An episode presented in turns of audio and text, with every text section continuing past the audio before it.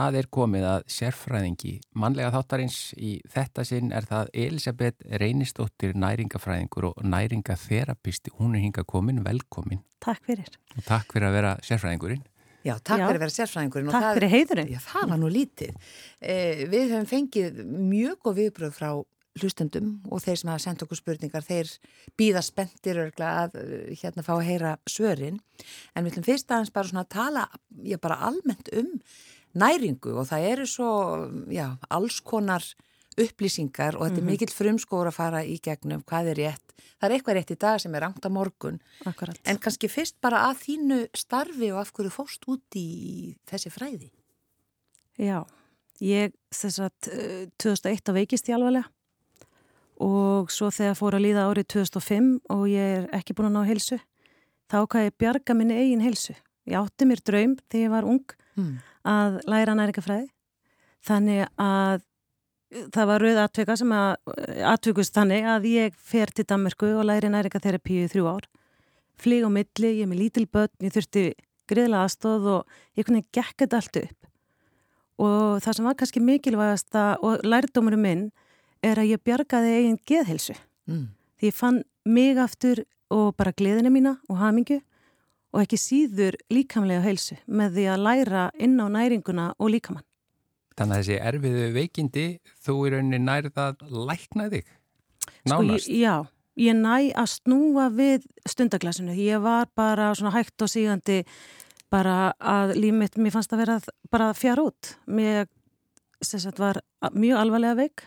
Hvað var það? Ég fekk taugasjúkdóm og lamaðist um tíma og síðan er þetta bara þegar þú ert veikur í heilt ár í rauninni rúmlíkjandi þá er mjög erfitt að ná eftir heilsunni Já. og það þarf rosalega áræðinni og það þarf þekkingu og, og þekkingin í dag er að fara inn á heilsugesslu og hvað mér var búið þunglitaslif, bólguðandi verkjalif uh, ég tók sálfræðitest og það síndi að ég var honum mjög þunglind en það var ekkert gert Já. Þannig að ég tók bara þessi máli í mínar hendur sem betur fyrr. Mm. Því að ég, eftir þessi ár, þrjú ár, þá fekk, var ég bara komin aftur með, með mitt líf. En það er ekki þar með sagt að við getum, ég læknaðist ekki, en mín lífskeðu eruðu betri. Mm. Og það er styggsmunur á. Við getum verið með alls konar kvilla, en við getum tæklað betur með góðri næringu, góðri reyfingu og andleiri vinnu. Hvað var það svona helst sem þú lærið þarna úti sem svona kannski breytti mestu? Ég held að það hef verið andlið þátturinn. Hvernig andlið þátturinn spilar inn í líkamlega ástand. Eins og þeim er leiði illa andlega, Mm. hvað það hafði áhrif á mína matarvenjur til dæmis. Ef að mér leið mjög illa, þá var ég þannig að ég borðaði onni tilfinningar. Ég fór og fekk mér súkulaði eða bara ómikinn mat. Þannig ég þyngdist líka og var honin allt og allt og allt og þung. Sem að hefði kannski það hefði kannski verið allt í lægi, það var allt annað á sama stíi. Mm. Þú veist, andlega, he- hérna, líðan minn var ekki góð. Uh, já, ég var bara ekki á góðum stað. Og þetta er allt saman tengt. Algjörlega. Já, bara líðaninn hefur áhrif á það hvað Já. maður setur ofan í sig og, og, og hvernig matarvenjur maður er með. Svo, já, þetta er líka, hérna, hvenær er það sem við erum í svona góðu jafnvægi, við borðum temmilega okkur líður rosalega vel. Það er reyðilega þegar ég spyr mína skjólstæðinga, það er reyðilega þegar við erum, hvað? Við erum hamigjusum, við erum ástfangin. Þá er, þá, þú veist, við förum ekki að tróðum í okkur og, og, og skuðum okkur með mat þegar okkur líður vel. Mm. En við gerum það kannski í vanlíðanum og það þarf að finna af hverju er vanlíðan. Já, Hvaðan kemur, hver er rótin? Og mín rót var svo sannarlega erfið veikindi og erfið bara ár því að það er, ég var með tvö lítið börn og ég var í sambandi og þetta, þetta reyndi á alla Mm. og verulega sambandi mitt með minn sambilismann og, og þannig að ég deyfiði mig, já. og í svoleiðis ástandi þá upplifir maður vantanlega bara í rauninni stjórnleysi að maður er ekki við stjórnvölin eða hvað. Já, ég held úr David bara, ég reyndi Já. bara, ég vissi það, ég var með, ég stóð, þegar ég kem heima grænsás, uh, þá taka við tvö lítil börn og, og sambilsmaður, ég er búin að vera burtu nánast í heilt ár og li, litla hjálpa að hafa, Mm. þannig að ég ákvað bara, ég hliti að komast í gegnum þetta en hvern einasta dag var þetta bara að reyna að vakna, koma börnun í skólan eða leikskólan og reyna bara að komast af mm. og allar erfið tilfinningana, sorgin að mist heilsuna, sorgin að sambandi mitt var eiginlega farið. Mm. Það var náttúrulega bara borðað niður, veist, ég bara deyði tilfinningarnar. Og ég tókst ekki á því þar að það voru erfitt. Hver var staðan ef ég hefði bara sest niður og sagt þetta er nú ekki hægt, ég gati ekki breytt stöðinni, börnin eruð ekki eldri á einu degi, mm. ég lagaðist ekki á einu degi. Maðurum minn var eins og hann var og indislugur og þetta var bara erfiðar aðstæður. Mm -hmm. en lærdómurinn var að við erum að nota mat til að skada okkur til að deyf okkur alveg eins og fólk er að nota áfengi eða fíknefni og ég hefur rosalega áhuga að skoða þegar fólk kemur til mín af hverju ertu að meða þig? Hver er ástæðan? Mm. Stundum er ástæðan langt aftur í æsku ár sem ég kosso reyndar að hjá mér að var líka. En er það sko að því þú læru næringafræðingur og menn master í því eins og næringatherapisti, er það meira Hver er munurinn á þessu tvennu? Er, er, er þá næringatherapisti meira bara nánast eins og inn í sálfræðing? Eða? Já, næringatherapisti meira bara svona, sko það var alveg dundun á þrjú ár og svo fann ég það að þegar ég kem inn í HÍ til að fara í næringafræði að það var rosalega litið niður á næringatherapista. Þeir væri nú, þú veist, það var svolítið mentarhókin stegð þeim til höfus mm. og það var hérna verið að ræða maður um næringatherapisti, fólk getur lært þetta á helganámskiði og Serjóspakka Já, já, það byrjar allt þetta. En ég í þrjú ár í þessu námi og ég, þetta er besta nám sem ég tekið. En aftur á móti næringafræðin var akademist nám. Ég lærði mikið þar líka en ég hefði ekki vilja verið án næringatherapista á náminu. Mm. því það er það sem ég starfa við í dag með hina þekkinguna. En er kannski sjálfgeft að fólk sé með bæði þessi nám? Ég held að ég sé einn með það. Já og þetta er svona heildrætna í eh, næringarþerapíunni Algjörlega. Það sem andlega heilsan eins og segir er tekin með. Já. Já. Og ég man eftir því að við vorum í næringarþerapíu náminu og, ég, og þær voru eitthvað að skoða þetta hvernig andlega við getum, þú veist við erum að skoða tráma eða sérst áföll og annað, hvernig það hefði áhrif á bara efnaskipti. Og ég man eftir ég ránkvaldi í mig augun þegar það byrja að tala um til dæmis getur haft áhrif hvernig líf móðuðina var þegar hún gekk með þig ég var ekki á þeim stað þá. Mm. en ég er svo sannarlega á þeim stað í dag. Það skiptir allt máli. Meirist að getur við verið að erfa áfull forfæðra okkar. Mm. þannig að þetta er mjög áhugavert.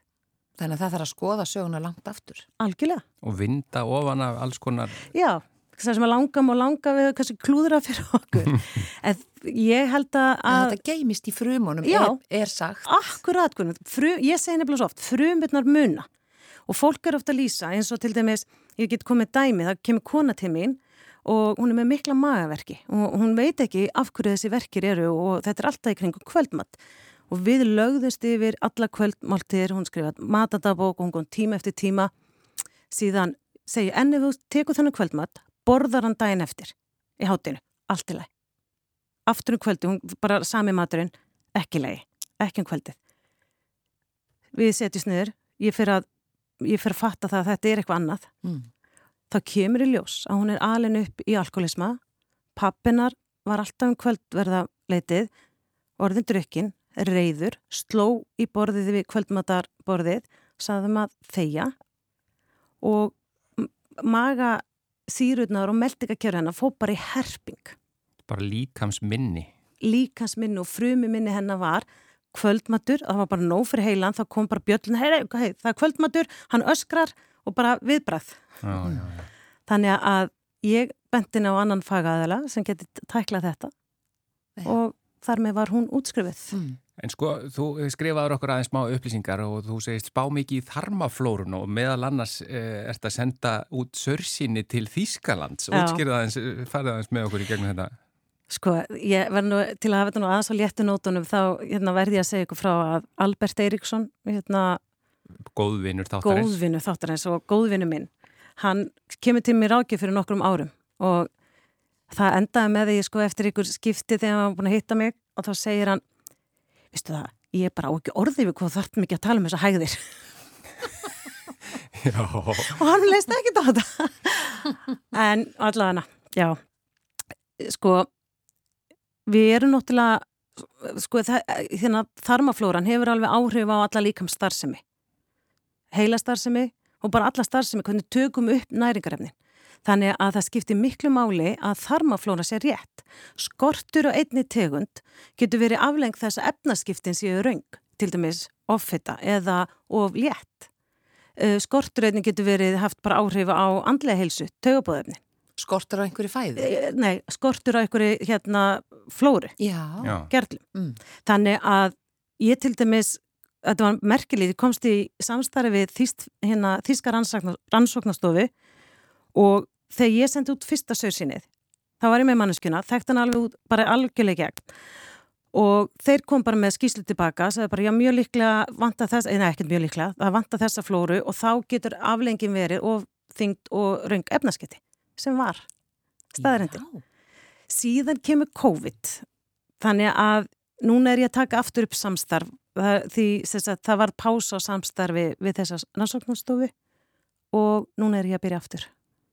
Þannig rauninni þetta er bara snýstuð að senda út sörsýni, það er þetta að lesa, lesa í, í þau, já. já bara lesa mig og hvað vantar já. eða hvað, já.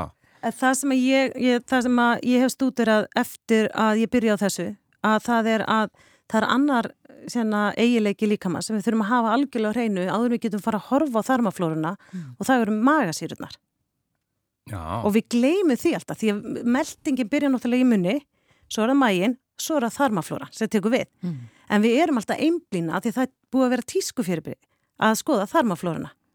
En við gleymum því að ef að magasýrunar er ekki réttar, þá fer ekkert í þarma, þarmana, þar að leiðandi þá dugur ekkert að taka inn einhverja goða þarmaflórur. Emi, taland um þetta, nú eru mjög margir sem taka svona magasýru lif. Já. Hvað segir næringar fræðingur um það? Verkfæri djúvilsins. Nó. No.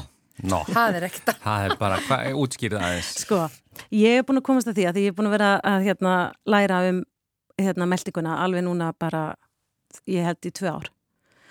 Að magasýrunar, þetta er svo miskilið að við séum á háar magasýrur, þau fáum bakflæði og okkur líður ítla og við finnum nábít og annað. Eh, við fyrir til læknis og það er ráðið að gefa magasýru lækandi lif.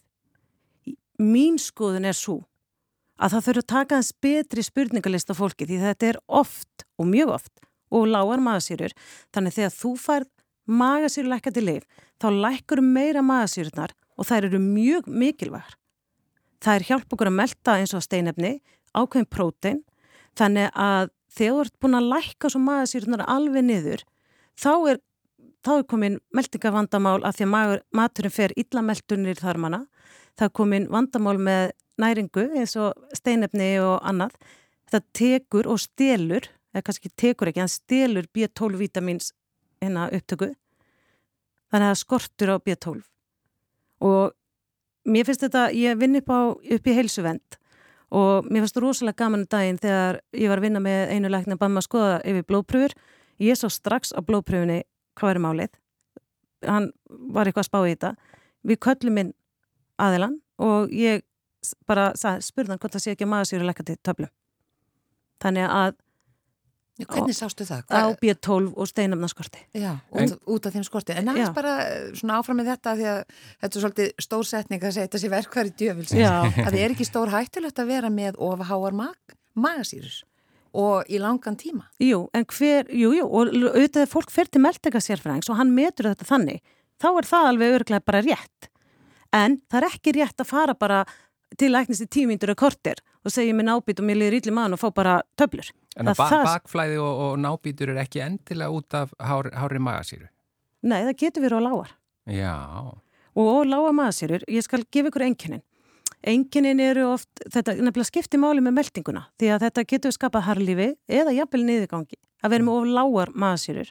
Þannig fólk uppgötar oft eftir að það fær lifið, þá fer meldingin alveg í klessu.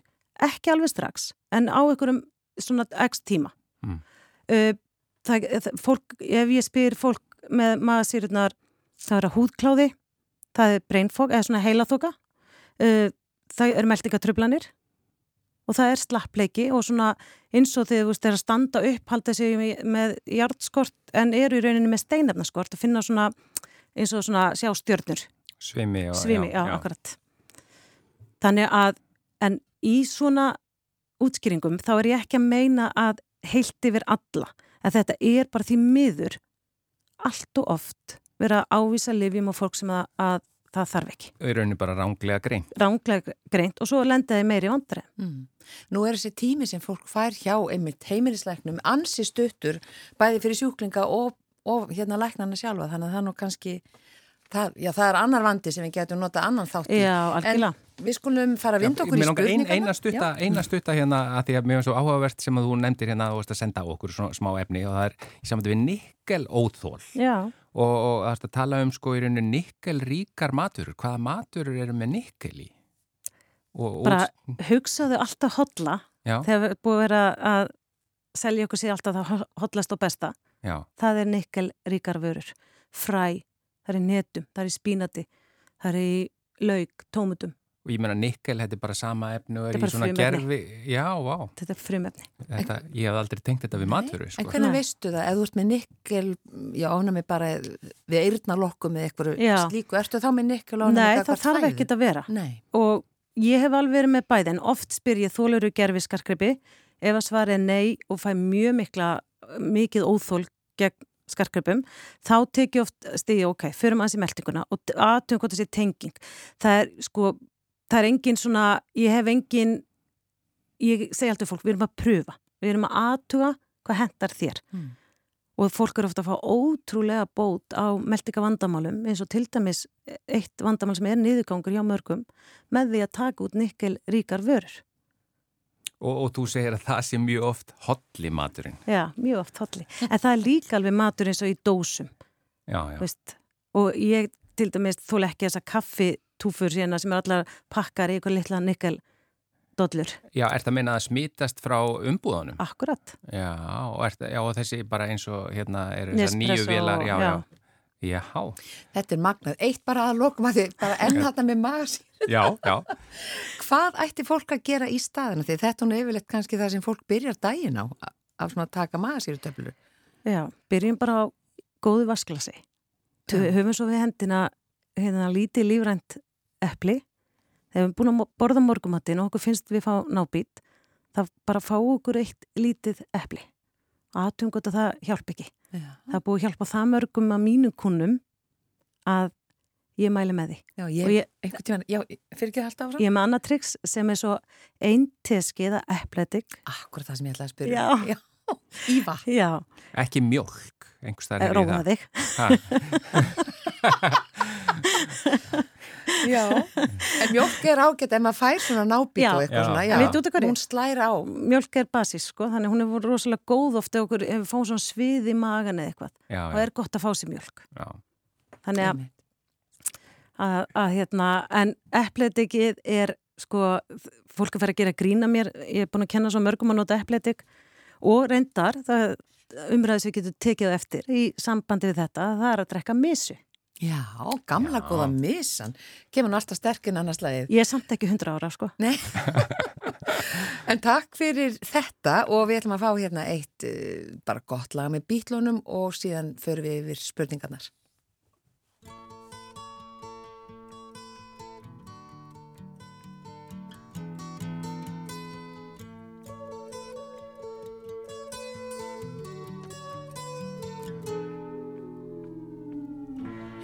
comes the sun. Here comes the sun. I say it's alright.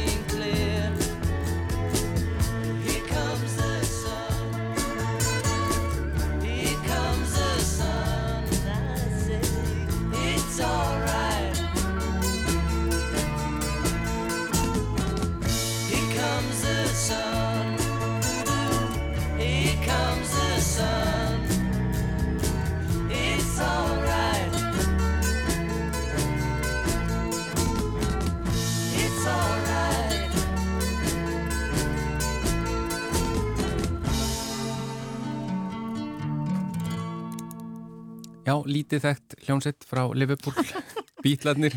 Þetta hljómaði bara svo lína í lægi, lítið þekkt hljómsett frá Liverpool, það er nú hægt að gera lag. Ég þarf að semja texta í lag, ég þarf að fá einhver tónlistamann til að semja það. Já, Já, uh, en þetta var auðvitað svo líka svona smá óskikja, Here Comes the Sun.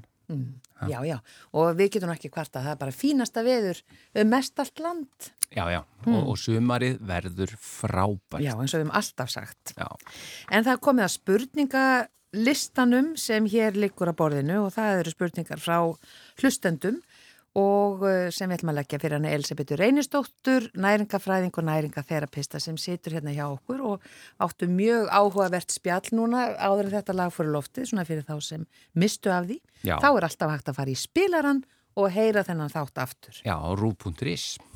En ef ekki bara vind okkur í spurningarnar. Þú er tilbúin, Elisabeth? Jöp. Já, þá er hér svo fyrsta og við ver- verðum alltaf að taka inn svona sælverið og takk fyrir þættin ykkar. Já. svona, Ég ætla að segja að þessi sagði ekki frábær þáttur, já, já, en nei, ég hefði getað bætt því inn í. Já, en, en nei, við lesum það bara ef það kemur. Sko. Já, já. En uh, það er tvent sem ég langar að fá vittneski um. Uh, hvaða mat eða drikkjavara er líklegust til að valda vélindabakflæði eða er það einstaklingsbundið og er einhver sem er talin hjálpa til ef glimt er við svefnvandamál með bestu kveðju. Já, matið að drikja vera sem hjálpar til ef glimt ef við já. líka. Já. Ok, sko, mér langar að taka hérna fyrst eh, bara fyrir lutan að því að það er mjög einstaklismyndið hvað við erum að borða og hvað veldur bakflæði. Mm. Hjá sum er það bara áfengi og meðan hjá öðrum getur að verið bara allur matur. Og þá vil ég meina að getur verið samsetning matarins, að sé oflókin samsetning, þannig magasýrurnar í rauninni þól ekki álægið. Þetta er, þú veist, eins og við okkur í kent að borða, það er alveg, þá að vera hérna, prótein og þá að vera kolvetni og þá að vera sós og þá að vera grammiti. Ég held stundum að þetta sé bara oflókið og það er einn hérna eiginleiki sem gerist eða, eða galli hjá okkur þegar við eldumst að þá hérna lækka magasýrurnar bara með aldrinu Mm. Já, og ég, að því kom þið ekki inn á þann að þegar magasýrurnar verða lágar í líkamannum þá missum við líka matalist að það eru raung skilabúð upp til heila um settu og svengdarhormónið okkar. Mm. þannig að þess vegna gæti epplet ekki hjálpa þeim einstaklingum sem að eru og að því ég veit það að, að hlustendur eru á öllum aldri að þeir sem eru eldri og finna þeir að missa matalist að taka inn eppletik og það getur verið að það hendi ekki öllum en hver og einn á að hlusta á sinn líkama. En laukur er til dæmis alveg eitt sem að veldur bakflæði og mitt ráð til allra sem er með bakflæði einfaldiði matinn og máltíðina og sjáuði hvað gerist notið epli og taki allan epletik svona einu svona dag Mm. Sko, þetta er tvent sem hún segir sem er mjög, mjög mér langar að fá aðeins betri útskýringa á þetta með hvort að maður sé með of lága magasýri Já. eða of háa, hvernig getur maður fengið að vita það? Þú veist, hvernig er það, er þetta bara að fá mælingu á því eða? Nei, en það er, þú verður bara fylgið eftir. Ef þú ert ekki að taka lif og þú finnur svona hérna bakflæði, þá verður svolítið að kortleggja. Hvað ert að borða sem veldur bakflæðinu? Ef þú tekur það út, ertu þá skári? Já. Það er Þannig ekki að- fara til meldingafræðing svo bara fá Jú, þetta öruglega, Þannig þeir að taka þetta fer í speiklu. En já. vitið að það er bara mjög alvarlegt að Já. vera á magasýrulekkati livjum Já, og missa í rauninni eigileika meldingarina sem mægin er að gera já, með því að nota sér lif. já, og auðvitað, að því þetta skiptir líka máli með enziminn og þetta skiptir máli með niðurbrót matarins og allt, við verðum að hafa magasýrur. já. Það má ekki bara lækkar niður úr öllu valdi. Það er það sem að ég er svolítið á móti. Mm Já. En, þá- en þá hitta því þú sagðir að hérna, prófa epla ekki og hlusta á líka Já, bara þannig að útskýra aðeins betur hvað áttu við með því að bara hlusta á viðbröð eða, ég meina, já, Ég bara taka út fæði. já, þetta er bara að svona, já, finna fyrir líkamannum. Já. er góðu punktur, já, Gunnar. Það er að finna fyrir hvernig svara líkaminn þegar ég er að þess, taka nefnletik, svíðu mér í magan, líðu mér vel, fæ ég meiri nábít, þú veist, hvað gerist? já, Þá mingar maður bara aðeins skamtinn að því þetta er eiginlega svona eins og efnafræði tilrun. Muni eftir þegar við vorum að setja efnafræðiglösi, Mm. hvernig passar þetta? já, já, já. Og auðvitað passar ekki eppletik öllum. En þetta er samt, ég vil allavega að fólk prófi ef það vil sko gera eitthvað í sínu málum og sérstaklega eldri einstaklingar. Já. Já. En, og það er eitt, sítrónsafi er oft ráðlaður, hann er algjört bann. Já. Af því að hann örvar, sérstaklega þegar við erum eldast, hann örvar hérna ákvæmna slímhúðið þagblöðurinni, þannig að sítrónsafi getur bara verið skadilegur fyrir eldra fólk á móti epletiki er það ekki. Af því það er meira basíst. Akkurat. En það er sagt náttúrulega að sítrónusafin sé það líka, en það er annað í sítrónusafinum. Ég hef búin að vera með fólk hjá mér með alls konar svona blöðuruvandum sem er að lýsa eða þurfa að fara marga klósettferðir og nóttunum og, og alltaf er fólk að reyna að fylgja einhverjum hotlustur á þeim, Mm. eins og þið sögðu upphafi, það sem er holdt í dag er óholt á morgun. Það er svolítið þannig. Já. Og næringafræði dagsins í dag er bara svolítið þannig. Þekkingin er ekkert komin lengra. Mm. Er sítróna betur en læm? Eða læm betur en sítróna? Eða er þetta bara Nei, bara sítrus. Sítrus ávextir. En, en sko, setni hlutur af spurningunni er einhver matur sem maður getur eh, hjálpað eins sem glíma við svefnvandamál. Sko, það er mjög mikilvægt með svefnvandamál að það við séum að borða nógu á prótinum til að við fáum hérna aminosýrur fyrir svefnhormónið þannig að ég myndi létta kvöldmáltíðina, hafa hana próteinríka, ekki borða neitt eftir klukka sjö og jafnvel svona magnísíum te Já, Já. já, já, já. og svo hefur líka hafa rannsóknir sínt að fá sér kollagen á kvöldin að því það eru aminosýrur, það hjálpi til við svefnin. Mm. Já. Já, Er þá er það spurning tvö. Þessi segir bara dæin. já. Ég er með spurningu til Elisabetar. Ég er búin að vera að vanda mig við að borða mat sem ætti ekki að íta undir bólgur sem hafa verið að valda mér vandræðum. En í sumar mun ég eins og margir aðrir vera á ferðinni og mikið upp á hálendinu, alveg mánuði í einu án þess að komast í búð og er ekki með fristikistu eða góðan kæli. Þá byrgir maður sig upp að matvælum með mikið geimsluþól, dósamat og reykt og saltað og rótargrænmeti. Bönir jú, en þær valda mér til dæmis meltingatröflunum. Þó ég sjóði þær með matarsóta. Er þessi matur ekki bólguvaldandi og ef svo er, hvað gæti verið minnst slæmt? Rótagrammitið. Af þessu sem hún telur upp. Já, þetta er frábær spurning. Hvað Já. er minnst slæmt? Já. Já, bara rótagrammitið og taktu bara með riffil, er ekki reyndirinn upp á Já, hálendi? það má ekki veiða þau þarna. Já, þú þarf líklega að skrá þig í það og fá leiði og svona. Já, já, þetta var líka bara, þetta var grín. Já, já, En hérna, sko, dósamatur er náttúrulega ekki ákjósalegur. Við skulum alveg hafa það á hreinu. Reykt og saltað, ég veit það ekki. Það, hún er í klemmu, ég gerir mig grein fyrir því, Mm. en Hún þarf að byrja upp. Já, en þurka kjött kemur til greina, prótenduft sem hún geti, sest, sem var hægt að fá sér, Mm. harfiskur og auðvitað er hægt að, að borða þá eitthvað reykt eins og reyktan lags. já. En saltað eins og, nei, en það er eitt reynda sem hún gæti tekið með, eða þessi aðili, það er súrmatur. já.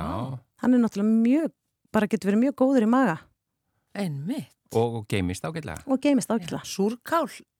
Súrkál Nei, og að súrmatur bara, ísskáp. bara súrtlátur og bara, hún tekur bara þorrablóti upp á hálendi Já. og Þorrablóti bara allt hafði saman. laufabröðu með Akkurat. Eh, næsta spurning, hún er bara stutt uh, og einföld. Hva, eða ég veit ekki hvort það svari sé einfald. Hvaða mataræði er gegn yðrabólgu? Já það getur til dæmis verið það sem ég var að tala um áðan fólk sem kemur til mín með yðrálgu það er oft hérna magasýrunar að stríða. Þannig að þarna er eiginlega ekki hægt að svara heilt yfir nema að maturinn sé hreitt Mm. það sé hreitt matur og ekki á flókin samsetning. Já, og þarna, ég hef verið með fólk með yðrálgu sem að þarf að taka út nikkel og svo fólk sem bara er að við erum að sinna að laga magasýrunar Mm. Þannig þetta er ekki, yðraólga er svona samnefnari yfir maga vandamál sem er ekki að útskýra. hreitmatur semst ekki unnin matar. Já, bara, og oft einfallleikin, ekki steikjan, hitt í opni, sjóða Já. og bara, Ekki brasa mikið. nei, og hafa hann, og, og þarna getur skipt máli bara í smá tíma Mm. með að fólk er svona að ná upp réttum, hérna, að þetta skiptir máli með þarmaflóruna, að hún starfi rétt, að því að yðraólga er, þetta er alveg rosalega kvimlegt. Mm. Einmitt. Þú segir yðra Olga og hún Já. skrifar yðra Bólga. Já, já, það hlutur. er Olga er eitthvað er, er rétt en það skiptir engum Já, máli. allt í leið. En allt, svona eitt bara í framhaldi af, af þessu að því að þú varst að tala um á hana þetta við, með að hafa kartöflur, kjöt, salat, sós og allt þetta á sama diski og maður er að borða þetta allt í einu í rauninni. E, Ítalir þeir kannski svona skipta þessu meira niður. sem er frábært. Já. Ég er mjög hrifin af því. Já, þú ert hrifin af því. Já, og að ég þau byrja á því að borða spagetti og Já, svo, svo kemur salat akkurat. og... spáið það að þetta. Mm. Við erum með í maðursæknum enzím og, og annað til að fara að brjóta niður matinn og svo er eitt ráð sem var gefið þegar allavega við guðrum vorum ungar, það var að drekka alltaf nóg mikið mat, nei, drekka nóg mikið vatn fyrir matinn til að við myndum ekki borða þess mikið og þá myndum við grannast eða verða grannar. Manst þetta þykkurum? Já. Já, þetta er bara til að sko drekja maðursýrunum. Ekki gott. Nei, Já, þannig að það skipt þetta er ennþá sagt í dag. Ég heyri þetta allt í kringum. mig, í Sko. alveg. Já, já, já. Við erum bara að tyggja matinn rólega og njótans, ekki borði skömm og ekki sulla öllum þessum drikja fengum onni okkur með matnum. Bara njóta matarins og hafa hann einfaldan. Og ítalið, ég kom aftur að ítala ítulunum Mm. að ég segi ofta eins og með ávisti, borðið á einu og sér. Ekki vera að blanda þeim með mat. Fyrir eða eftir mat. Bara bæði. Já, skiptir ekki Það máli. skiptir ekki máli, bara borðið ávist einu og sér. Mm. Uh, kjöt ekki með prótein, ekki með sterkjuríkju grammetis og kartöflum. Það geta alveg borða bökuna kartöfluna, en borði hana þá bara með sósinu og salatinu. Já. Þetta verður erfitt. Nei, en, það- en, nei, en nei. erfitt það að eru nekkit bannað, heldur Nei. bara Skipta í hvaða, verður bara í Ítalíu, fyrir bara til Ítalíu. Já. Og þetta Tökum er svo rétt hjá þeim. Þeir getur verið að borða lengi og ég man alltaf eftir þegar ég var um tvítugt og ferðast til Fraklands og kynntist þar ungu krökkun sem byggði mér heimsótt að þegar þau voru, ég kem tvítug frá Vopnafyrði, það sem að var náttúrulega bara matur, það var kjöt þegar var hérna læri hjá mömmu, það var hérna græna bönur og rauðkál og salat og bara, þið veitir, diskunum var stappaður Mm. svo kem ég þarna og það var forréttur og það var sérst bara salat í forrétt og ég klóraði mér í hausnum og beði eftir einhverju rækjukoktil eða eitthvað og svo hérna, svo kom maturinn og bara salat í forrétt. Og þarna lærði ég að drekka rauðvin og bara fannst það náttúrulega ekki gott. Mm. og þá kemur kjött með sóðsósu og, og smá brokkoli. Þá var mér nú allri lokið. Og svo kom eftirrétturinn og þá var einhverju ostabitar, eitthvað svona bara ekki ostabakki þannig að, en þess, þetta er bara ótrúlegu lærdómur af þessari heimsókn Við blöndum þessu öllu saman. Akkurat. Og borðum mjög hratt, þannig að það sem við gerum. Og það er ymmit. Það getur verið einn ástæð við fáum móla á maðursýr, það, það að við erum að borða of hratt. og blanda öllu saman. En sko, ef maður er að skipta þessu svona upp, bara til að klára það, á maður að býða í einhvern eh, smá tíma á milli. Já, að býða. Hva, ég meina hvað, Hálftíma, nú alveg svo lang, Já. lengi? Já, já. þú ert alveg að borða lengi, svo, þú veist, við megum líka aðeins fara að slaka. Þú veist, ef við erum að borða forrétt, Mm það við getum að slakað og tekið svo aðréttin og við erum svolítið að njóta. Ég elska að borða og Já. að fara út að borða og ég fæ mér yfirlega bara helst forrétti í aðrétt að því ég vil alltaf eiga eftirréttin. Já. Já. mér finnst, og við verðum líka að hugsa það að borða er ákveðin sko lífskeði -hmm. og við eigum ekki alltaf að borða í eitthvað svona skömmi að nei, ég má þetta ekki, ég má þetta ekki en bara samt að hlusta á líkama hvað, ver- verður mér illt að því að borða þetta þá náttúrulega reyni ég að komast hjá því að borða þetta Já. Hefur, hér kemur einn spurning og nú ætla ég að lesa sæl veriði frábæru þáttastjórnendur. Ætti ég að hafa prótenduft í morgundjúsnum? Hversu mikið magn? Ég er 62 ára, bestu kveður. Stutt og laggott. Já, ég náttúrulega er ekki hrifin á svona djúsum ég, Er þetta að meina djúsin sem er verið að blanda í alls Já. konar efnum? já, og líka bara eh, spínadrykkir, eh, svona safar og Já. þannig að ég vil meina að við eigum að fara bara aftur til fortíðar, við eigum að fara að borða mat helst í hátinu og kvöldin. Og þetta er svolítið erfitt fyrir kunnana mína og sérstaklega eldra fólk þegar að breyta ég segi, viltu gera eitt fyrir mig, viltu borða mat? Borða mat í hátinu, bara þá lítinskamt En morgunmat? en morgumat, við erum að koma að því. Já.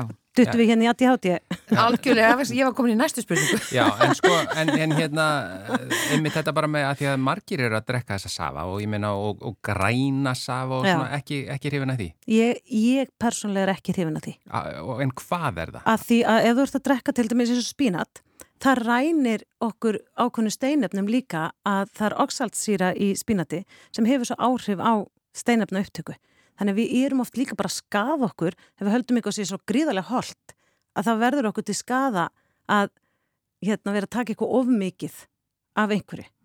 Af hverju ættu við vera að tróða líka veist, í ávastadrykk upp á blóðsíkurinn? Þetta, þetta, og, og málið það, við erum líka og mikið á ungu fólki, það er hægt að tyggja. Já, ekki, ekki gera safu úr því eða, Nei, eða við, við erum að, að tyggja matinn. Byr, meld, meldingi byrjar í muninu. Þannig að það er betra að tyggja spínatið heldur en að fá það svona beint í magan. Já, við verðum líka að æfa vöðana í andlitinu. Þannig að taki bara skýrinni í græmiti, það sem ætlaði að setja inn að búst og borðið það bara með glöði geði og tykkiði og hvert einasta bita sem er tykkið og þá er það að æfa andlistöðana og þar alveg til mhm. líta betur út. Mm. Og þar fáum við líka náttúrulega úr, úr munvass hérna Akkurat, niðurbrott, niðurbrott. bara byrja. Þá fer meldingin einhvern veginn svona rétt. Ég held við séum svolítið að skada okkur með svona quick fixi og þetta er mjög oft, við erum að fara, hvað viljum við gera? Það, við erum alltaf að tala um að grennast eða stoppum bara aðeins, stöldrum við og mm. hugsaum bara hvað er góð næring fyrir mig. En við erum alltaf að gefa börnunum svona eitthvað, eh, svona, einhvað mög og djús og svona, mm -hmm. er, er það, það er kannski annar þáttur? Já, Já það, ég held að það sé annar þáttur. Já, með að við svipin á Elisabetu þá var hann ekki sérstaklega hrifin að þið. Nei, en um, næsta spurning, Já. var það ég eða þú? Uh, nei, ég skal koma með það. Herði, en hún... svara ég þessu hvað næring hendar besta mótnana? Nei, við skulum svara henni nú. Já. Já. Fyrir ef þið þólið hafragröð þá myndi ég mæla með hafargröð og tíafargröði mm. eh, stundum sumum finnst gott eins á sumrin að breyta til fá sér bara ávexti á mótnana á sumrin en hafargröður, ávextir. Ég bara myndi mæla með að, að fólk þarf alveg, ég er líka með fólk sem tek hafargröðin af. Mm. En sko taland um nýju og gömul sannindi og svolítið svo allt sé að breytast það, það talað um að, að morgumaturum var í mikilvægast máltíð dagsins sagðu, en svo nú allt ínni talað um að nei, ekki borða frá sjö á kvöldin til háttegis e, eh, í svona einhvers konar föstum á, á, er þetta, 17-7 og eitthvað sem að kallast hvað, hver er þín skoðan að þessu með morgumatin? Sko, ég er mjög hrifin af föstum að því ég tel að það sé bara mjög gott að kvíla kerfið og það er margt gott sem gerist í líkamannum þegar við kvílum. En við erum mismunandi, það er ekkit allir sem þóla föstur. Þannig að, en ég er ekki á því að við erum að borða yfir okkar á mótnana. Mm. Eins og sumir er að segja bara já, að það er aðal máltíð dagsins. Ég, fyrir mig, til þetta gamla mýtu. Ja. Ég vil að við bara, sko, fáum okkur aðeins á mótnana, góðan hátismat, eitthvað svona holt og gott í millimál og svo kvöldmatt og svo kvíla. Mm og svo fólk er mismunandi, sem ég byrja sem ég hjá mér byrja borða átta, svo færa það til tíu svo bara nefnir liðið vel, að bara fasta til tíu mm. eitthvað, sko einstaklinga sem hafa alltaf byrja klukka 7-8 haldið að það yrði að borða þá Já, einmitt. En svo bara breytist það, að því, að það bara, og svo bara fatta fólk, vá, mér liður dásanlega Þetta er bara forritun. Mm. En ég þóru alltaf að spyrja, hvað með ristabröð með osti? já, já, það, ef, veist, ef, ef að fólki liður vel af því og ristabröð með ost er líka eitthvað gott en oft þegar ég er að kljást við mínir einstaklingar eru með svona hérna svona áhættu á síkusíki mm. þá er það það sem ég tek út. Já, en ristabröð með ost er ekki bannað. Við færum það bara þangar til eftir háti mm. En hafaragrutur er betri? Nei, reyndar ekki. Nei, en já, já. En, fyrir, Í þessu tilfelli ekki fyrir fólk með áhættu á síkusíki Einmitt, einmitt. Um, já, góðan dag Elisabeth, hvaða fæðu myndir þú ráðleikja manni að hætta borða? Sem sagt fyrir utan sigur sem ég veit að er eitur? Eða hvað? Nú er spöndur hvort að hún, henni finnist það. Hvaða sigur? Já. Sigur er náttúrulega ekki hotlur en ég, ég ætla að fá að svara sem einu þegar, til dæmis í December þá var ég spurða því á námskið sem ég var með heyrðu, kannt ekki ykkur svona góðar uppskriftir af kökum með, hérna, sem er ekki sigur í og Mín skoðun er svo. Þegar ég fæ mig söru, þá er hún ekkit afböguð með ketosöru eða eitthvað. Ég fæ mig bara söru mm. Og nýt þess. Og ef ég fæ mig köku, þá er ég ekkit að fá mér alveg, já þessi kakar einstaklega hafa bara fullt að gerfi efnum hérna í hérna því að það gerfi sigur og gerfi og gerfi, gerfi. Ég fæ mig bara alveg köku. Helst heimabaka. Já, já með hreinum efnum í. Já, það er þá væntalega sigur í því. Mm -hmm. En borði þetta bara í algjöru hófi en ekki vera að leita í eitthvað svona gerfi Já. og ég held, ég, mér fjallist hendur í daginn þegar kom einn til mín og síndi mér hérna hunang sem var ekki kolvetni, veist, kolvetni, það var ekki sem sigur því þetta var keto hunang þá segir ég bara ekki, ég, nú er ég bara, þetta er bara úr mínu höndum. Mm. Skil ekki þegar þetta er svo mikið gerfi. Og þar komum við aftur á magasýrunum. Magasýruna skil ég ekki og kunni ekki á gerfi matin. Það kunni ekki brjóta niður. Mm. Einn mitt. Já. Já, já, uh, þannig að það er engin ein, einhver matur sem að þú ráðlegur fólki að hætta að borða. Auðvitað allur unnin matur eins og brasar, auðvitað. Já, Já, við skulum alveg koma inn á það. já, unnar maturur. Já, unnar matvörur. Og mér var svolítið gott hérna, uh, ég las í bókundaginn að allur matur sem búið til að fólki í skurstofubúning, skulum við passa okkur að borða. Já, já, já það, er á, það getur verið ágættisregla, já. Uh, spurning til næringafræðingsins, er fita holl eða óholl? Hvað ætti maður að innbyrða af ólífuóli á dag til dæmis og er svo ólíja hollari en lísi? Já, þegar stort er spurt. Já, það er bara náttúrulega búið að segja ímislegt um fytu og ég veit hvað herta fytu og ég veit ekki hvað og hvað. Já. Ég er náttúrulega næringafræðingur sem hef Íslands smjör í ískapnum mínum, sett rjóma í kaffið, að því að ég tel mig þurfa fytuna Mm. og nei, ég held að fytta sé ekki óhald. Góð fytta sem að er, og það er líka þá hvernig er lífstíliðin. Ertu svona almennt að passa þig? Að borða fytu og vera svo kannski að borða fullt af röngu kolvetnum er ekki gott. Mm. Þannig að þarna vil ég helst passa mig því ég hef líka haldið fyrirlestur og þá hefur fólk komið til mín og sagt heyrðu ég fór eins og þú sagði, bara borða nóg og smjöru eitthvað, hækkaði kólesterolið en það glemdi bara að taka út sætabröðið og nammið og allt með. Mm. Þannig að það er spurning hvernig er lífstílinn. Já. Ef hann er góður, þá þurfum við að borða fytu. Og við þurfum góða fytur. Ólífólja er bara mjög góð. Ég nota sjálf ólífólju til að steikjur. Ég nota ekki aðrar óljur Mm. ég tel þær ekki góðar. Ég Já. ekki góðar júrtóljur því að, að ég hef allavega lesið mér til um það. Þær eru bólguvaldandi og ég finn og mér að nota þær ekki. Nó, notar bara svona innan gæsa leppa venjulega ólífuóli, ekki, Já. sa- ekki samt svona hérna... Bara græna. Já, já. Ég, akkurat, ég nota, nú- ég er bara eins og ítalinn. Mm. Ég nota bara eina tegundu ólífólju sem er hrein, virgin ólífólja. og steikir úr henni.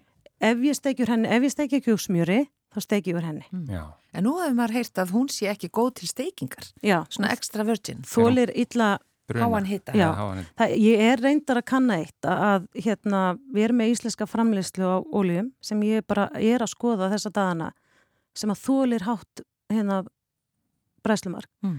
Þannig ég er bara að skoða það, hvort að, að við erum að ég er að svissa yfir í aðra ólju, en Mm. með að ég er ekki búin að skoða það, þá er ég að nota óljuolju. Já. Mm. Uh, spurning til næringafræðings uh, kondusæl, er brauð ennþá talið svona óholt? Allir er að segja að brauðið sé það sem maður á að sleppa. Hvað finnst þér? Já. Þetta er stóra spurningar hérna, alveg. Ég nota, ég borða sjálf brauð og ég tel að við erum búin að vera í þessum svona rosalega bóðum á bönnum. Við erum búin að vera einhvern veginn svona forritu. Mm. Þetta má í dag, annað morgun og ef maður situr ykkur stað með konum á einhver eina á keto og þá er hún orðin sérfrængur að fyrir að ráleika öllum og eða þá einn tók bara út brauð og kókumistu 20 kíló, sko, sleppum að þess af. Erum, þetta er mjög einstaklisbundið og það er margir sem geta veitt sér það að borða bara góða brauðsni á dag. Svo spurning, er það súrtisbrauð, er það gróftbrauð eða er það bara hvaða brauð sem þau bakið? Mm. Er súrdegsbrauði svona mikið eh, betra fyrir líkamann eða hvað? Það er náttúrulega gerjunin á því er rétt. Þetta er gam, gamla aðferðin að borða brauð, eða sérst brauðgerð Já. og, og brauði hérna kolvinni brjóta sér betur í, í hérna súrtisbrauði. Fólk finnst, og margir finna, þeim finnst að þeir þóla betur Mm. Einmitt.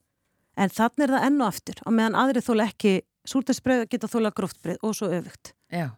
En nei, ég til brauð sér ekki óholt en í ómiklu magni þá getur það verið það.